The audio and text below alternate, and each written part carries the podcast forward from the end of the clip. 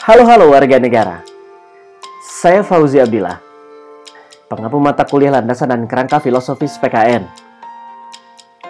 Podcast ini dibuat khusus untuk mahasiswa PPKN 2019A yang sedang mengambil mata kuliah landasan dan kerangka filosofis PKN.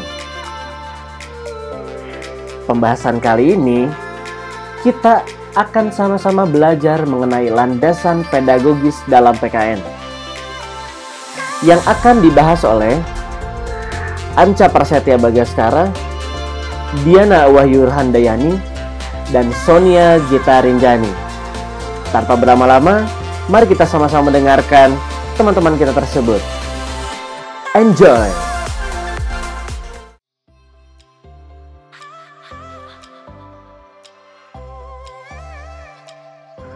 Assalamualaikum warahmatullahi wabarakatuh. Perkenalkan nama saya Anja Prastia Baskara Dari kelompok 7 Yang membahas mengenai landasan pedagogis.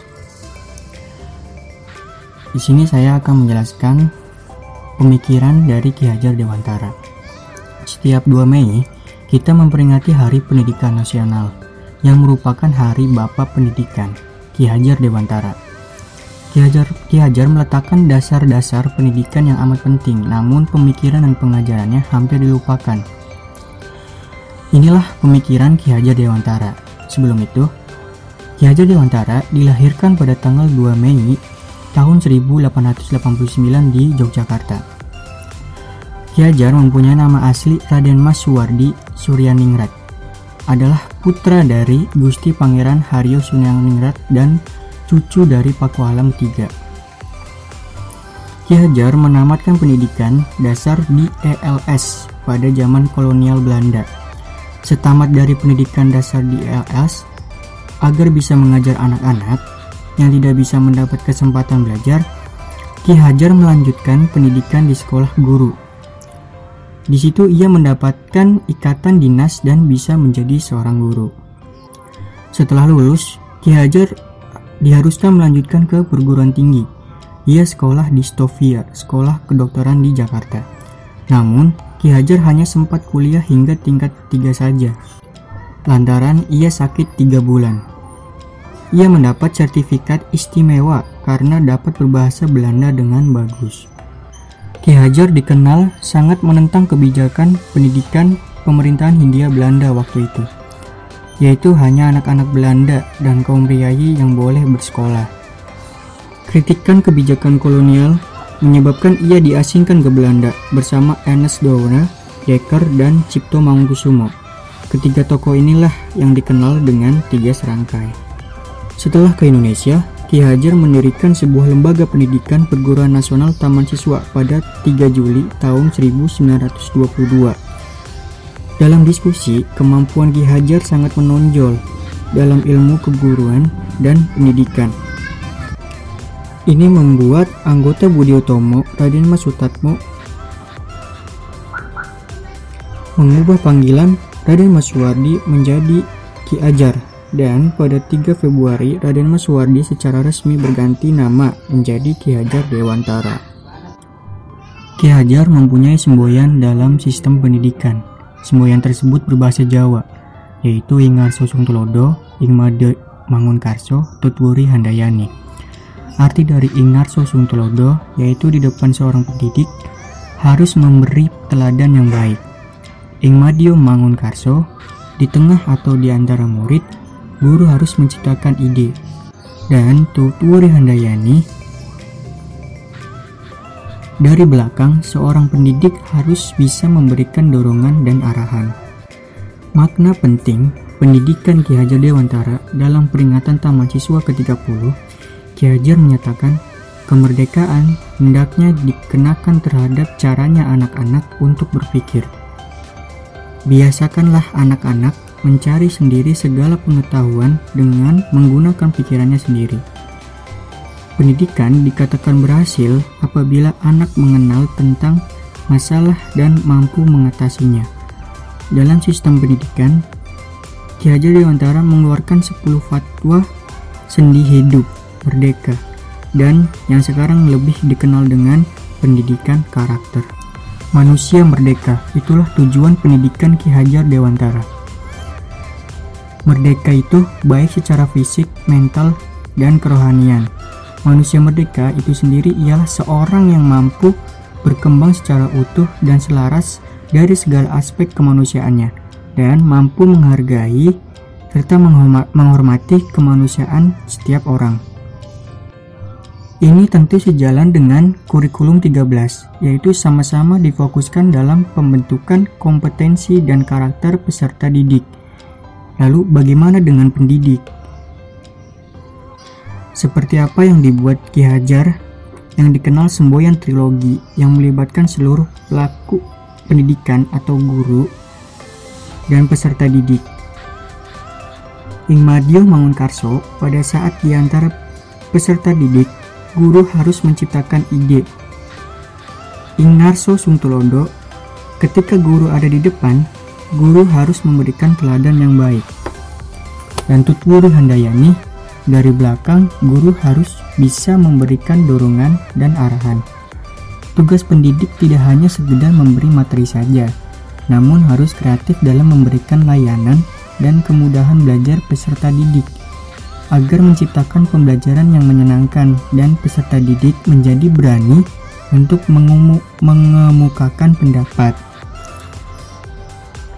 Beberapa hal yang harus dimiliki pendidik yaitu menguasai dan memahami kompetensi, memahami peserta didik, menggunakan metode yang bervariasi. Dapat dipahami bahwa peran pendidik itu sebagai fasilitator dan motivator. Berdasarkan Undang-Undang Nomor 14 Tahun 2005 tentang guru dan dosen, pada pasal 10 ayat 1 menyatakan bahwa kompetensi guru meliputi kompetensi pedagogik, kompetensi kepribadian, kompetensi sosial, kompetensi profesional. Dapat diketahui kembali, Ki Hajar Dewantara secara tersirat telah memaparkan empat kompetensi tersebut yang harus dimiliki seorang pendidik.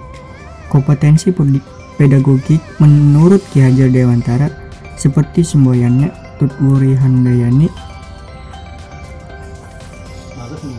dan Ing Madio Mangunkarso, pendidik harus menguasai materi. Pendidik memahami peserta didik dan mendorong peserta didik. Sekian penjelasan dari saya. Untuk selanjutnya akan dibahas oleh saudari Diana. Terima kasih.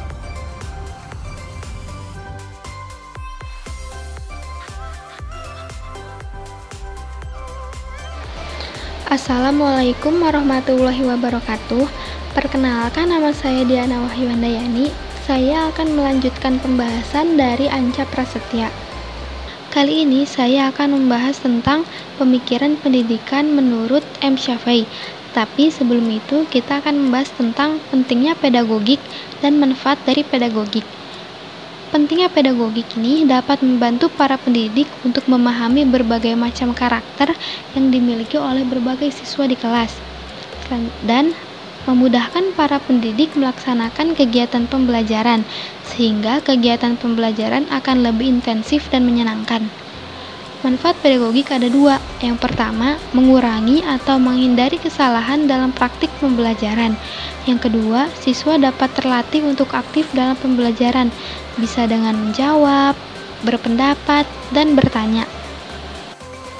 Selanjutnya, kita akan membahas tentang Pemikiran Pendidikan menurut M. Syafi'i di INS Kaitanam. M. Syafi'i ini lahir di Ketapang, Kalimantan Barat tahun 1893. Ia adalah seorang pendiri Ruang Pendidik Indonesia Netherlands School yang terletak di Kayu Tanam, Sumatera Barat yang diresmikan pada tanggal 31 Oktober 1926. Penggunaan kata ruang pendidik berasal dari dua kata, yaitu ruang yang berarti suatu tempat yang luasnya tidak terbatas dan pendidik yang berarti kegiatan belajar dan mengajar bukan terbatas adanya guru dan murid, tetapi belajar juga dari pengalaman dan kehadiran alam di sekitarnya. Penggunaan bahasa Belanda di NS sendiri untuk menyatakan bahwa sekolah itu sama nilainya dengan sekolah Belanda. bahwa INS adalah sekolah bangsa Indonesia yang ingin maju dan statusnya tidak lebih rendah dari sekolah Belanda dan menggunakan bahasa Belanda saat kegiatan belajar mengajar. Terdapat tiga komponen utama dalam sistem pendidikan INS. Yang pertama, tenaga bahwa ia bisa bekerja. Yang kedua, otak bisa berpikir. Yang berarti mempunyai talenta, unsur inovasi, dapat mengembangkan bakatnya, dan kemauan dalam berkarya. Yang terakhir, jiwa bisa merasa. INS Kayu Tanam sendiri mempunyai tiga tujuan. Yang pertama, mendidik rakyat ke arah kemerdekaan. Arti dari kemerdekaan ini sendiri berarti masyarakat Indonesia punya kemerdekaan dalam berpikir, berbuat, menentukan pilihan, dan berpikir sesuai kenyataan. Yang kedua, menanamkan kepercayaan diri, berani, tanggung jawab, dan nasionalisme. Sistem ini memupuk kepribadian anak didik yang dinamis, percaya pada diri sendiri, berani berbuat, dan berani bertanggung jawab. Tujuan ini merupakan reaksi langsung terhadap sistem pendidikan pemerintah Hindia Belanda yang selalu membuat hasil didikannya tergantung kepada mereka. Sedangkan nasionalisme didasarkan atas cita-cita menghidupkan jiwa bangsa Indonesia dengan membekalkan diri, upaya aktif, kreatif, dan semangat nasionalisme, serta yang terakhir, mengantarkan anak kepada bakat yang dimiliki. Secara falsafah, pembelajaran di INS ini ditarik dari penjabaran ayat Al-Quran yang pertama kali turun, yaitu Iqra. Selanjutnya, ada empat program pendidikan di INS ini sendiri, yaitu yang pertama, Kurikulum Plus, Program Asrama, Intensifikasi Pendidikan, dan Ganjaran. Yang pertama ada Kurikulum Plus. Kurikulum Plus ini sendiri setara dengan kurikulum akademik yang berfungsi untuk mengembangkan sikap mental murid agar mampu mengemban kewajiban sebagai bangsa yang bernegara merdeka dan pemegang amanah agar menjadi khalifatul fil art. Menurut M. Syafi'i sendiri, pendidikan Indonesia lebih fokus dan mengutamakan pendidikan otak yang bertujuan agar masuk perguruan tinggi, sedangkan pendidikan mental sangat diabaikan. Kalaupun ada kurikulum agama dan kurikulum Pancasila sangat verbalistik, tidak dinilai dari watak dan perilaku. Yang kedua ada program asrama. Pendidikan di INS bukan cuma kegiatan proses belajar mengajar di kelas, tapi dimulai dari bangun tidur sampai tidur lagi. Metode ini lebih mementingkan kesadaran diri sendiri pada tiap murid, disiplin, dan menumbuhkan sikap dan perilaku yang dilakukan oleh orang-orang yang taat beragama. Yang ketiga ada intensifikasi pendidikan. Pada kelas 3, mereka diberi pendidikan intensif sesuai pilihan mereka sendiri untuk yang melanjutkan ke perguruan tinggi. Begitu juga untuk yang terjun ke masyarakat, mereka dilatih dahulu. Contohnya seperti bengkel. Nah, yang terakhir ini ada ganjaran. Ganjaran ini dibagi dua. Yang pertama ada ganjaran atas prestasi, yang kedua ganjaran atas kesalahan murid. Di ganjaran atas prestasi ini, INS tidak menyediakan raport karena menurutnya tidak mudah mengukur prestasi murid yang berbeda kemampuan, sehingga disediakan surat keterangan menurut bidang kurikulum yang disediakan oleh murid. Tetapi dalam perkembangan waktu, dibuatlah raport di INS yang berisi empat komponen. Yang pertama akademik, keterampilan, kerohanian, dan kesiswaan. Selanjutnya ada ganjaran kesalahan murid seperti ketidaktahuan, kenakalan, dan kejahatan. Nah, kejahatan ini dalam INS langsung dikeluarkan dari sekolah karena INS menghindari ganjaran fisik kepada murid. Dan INS menyatakan bahwa INS bukan sekolah rehabilitasi untuk memperbaiki mental murid. Sekian presentasi dari saya. Selanjutnya akan dilanjutkan oleh Sonia Gitarinjani. Wassalamualaikum warahmatullahi wabarakatuh. Assalamualaikum warahmatullahi wabarakatuh. Perkenalkan nama saya Sonia Gita Rinjani dari kelompok 7 akan menjelaskan materi mengenai John Dewey dan pelaksanaan pedagogik PKN melanjutkan materi yang telah dipaparkan oleh Diana sebelumnya. Uh, Arti pendidikan menurut John Dewey Pendidikan adalah upaya menolong manusia agar dapat berefleksi terhadap masalah yang timbul dalam masyarakat dan upaya melengkapi mereka agar menghasilkan pertumbuhan yang nyata dalam kehidupan mereka. Nah, jika dalam proses pendidikan tidak ada pengaruh yang positif terhadap alam maupun masyarakat, maka janganlah disebut pendidikan, karena pendidikan harus memberikan pengaruh perubahan dan pertumbuhan. Selanjutnya, sifat sosial adalah e, sebuah faktor yang penting dalam sebuah pendidikan. Untuk itu, peran masyarakat yang demokratis adalah bagian integral dalam mengembangkan sumber daya manusia. Maka dari itu, per pendidikan berorientasi pada mempersiapkan e, lingkungan belajar yang mengacu pengalaman untuk bertumbuh. Selanjutnya, rumusan The Way tentang pendidikan adalah pembentukan kembali atau pengorganisasian ulang pengalaman yang menambah maknanya dan yang menambah kemampuan si pelajar dalam memberi arahan terhadap pengalaman selanjutnya. Dan maksudnya adalah dan untuk mencapai maksud tersebut, guru e, memiliki peranan yang penting untuk membimbing pelajar memperluas pengetahuan dan kemampuan berpikirnya dalam menjelajah hubungan baru yang dibangun atas pengetahuan yang dimiliki sebelumnya. Nah, dalam hal ini Dewey menekankan bahwa e, setiap orang belajar dari pengalamannya yang berasal dari aktivitas yang asli dari lingkungannya. E, selanjutnya, lingkungan pendidikan. Lingkungan pendidikan adalah masyarakat dan masyarakat yang terbaik adalah masyarakat yang demokratis. Dengan demokrasi, eh, yang dengan demokrasi yang ada maka tidak terdapat klasifikasi penjenjangan sosial dalam masyarakat. Setiap orang berkesempatan untuk mengambil bagian dan beraktivitas di dalamnya serta menggunakan intelijensinya secara maksimal agar e, pertumbuhan setiap individu pun dapat terjadi secara maksimal.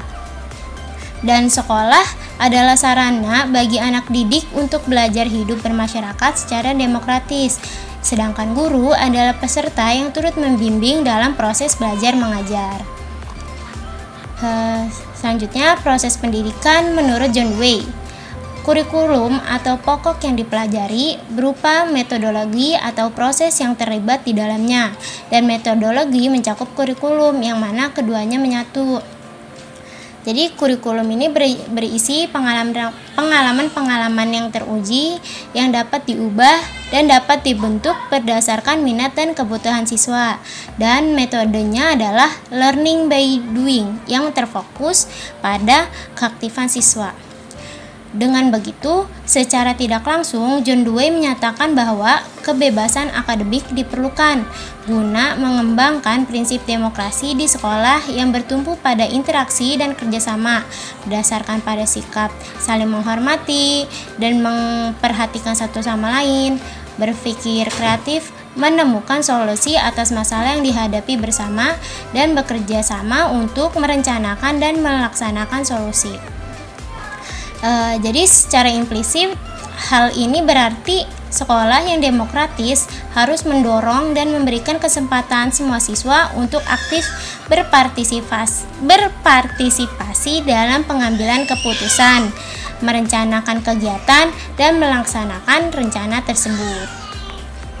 Uh, slide selanjutnya uh, pelaksanaan pedagogik bagi guru PKN e, guru diharapkan mampu melakukan aktivitas kegiatan pembelajaran sesuai dengan pedagogik yang dibuat, agar guru dapat memahami berbagai macam karakter yang dimiliki setiap siswa. E, setiap guru dapat mengetahui apa kelebihan dan kekurangan yang dimiliki siswa. Begitu, begitupun saat pelaksanaan pembelajaran guru harus mengikut sertakan siswa e, dan berperan aktif dalam kegiatan belajar. Contohnya, dalam membahas tentang demokrasi, siswa dapat e, ikut serta bertanya, berpendapat, bahkan menjawab pertanyaan yang diberikan oleh guru, sehingga siswa tidak hanya duduk diam mendengarkan penjelasan dari guru. Tidak hanya itu, guru harus dapat menyisipkan humor ataupun game agar siswa tidak merasa bosan. Nah, Sekian uh, pemaparan dari kelompok kami. Kurang lebihnya mohon maaf. Wassalamualaikum warahmatullahi wabarakatuh. Baik, terima kasih untuk Anca Diana, dan Sonia yang telah memaparkan materi ini dengan baik. Saya sampaikan apresiasi untuk teman-teman presenter tersebut. Dan seperti biasa, saya akan memberikan ulasan untuk penampilan para presenter. Kita mulai dari Anca. Oke, Anca. Anca di awal sudah memberikan kita paparan-paparan yang memiliki perspektif historis. Lalu uh, perspektif historis tersebut juga dijelaskan dengan cara yang elaboratif. Itu artinya uh, cara Anca memaparkan materi sudah menarik dan bagus.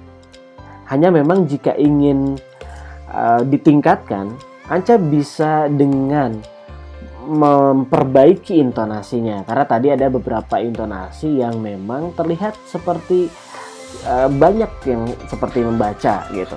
Lalu perhatikan juga pronunciation uh, jika ingin mengucapkan beberapa kalimat-kalimat yang katakanlah canggih lah ya. Jadi tinggal cek lagi yang sal jangan sampai salah sebut. Selebihnya sudah oke okay, dan penampilan Anca juga memberikan kita nuansa-nuansa alam karena tadi ada suara ayam di situ. It's okay, lumayan bukan uh, apa ya buat buka puasa gitu. oke, okay, itu untuk Anca. Nah selanjutnya Diana.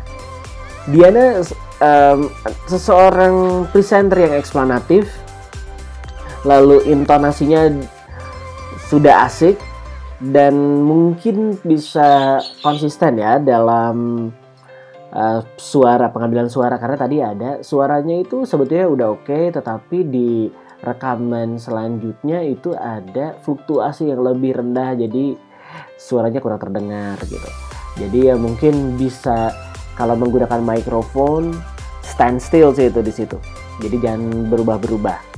Dan pemaparan Dian sepanjang pemaparan Diana tadi kita ditemani oleh entah itu suara efek hujan jadi apakah kamu merekam di tengah hujan gitu?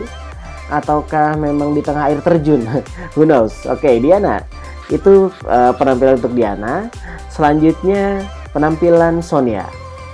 Sonia artikulatif lalu sudah memberikan eksplanasi dengan baik dan secara materi Sonia memaparkan prinsip-prinsip dasar terkait pemikiran tokoh.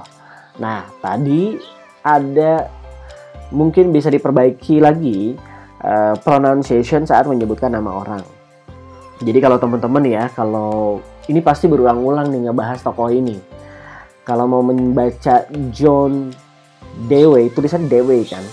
Tetapi teman-teman bisa membacanya sebagai John Dewey Dewi ya. ya. Jadi itu selebihnya sudah oke. Saya sekali lagi sampaikan apresiasi untuk Anca, Diana, dan Sonia. Nah, untuk teman-teman audiens, kita tunggu pertanyaannya, tanggapannya di kolom yang sudah disediakan di Google Classroom. So, kita cukupkan sampai di sini. Have a nice day. Ciao.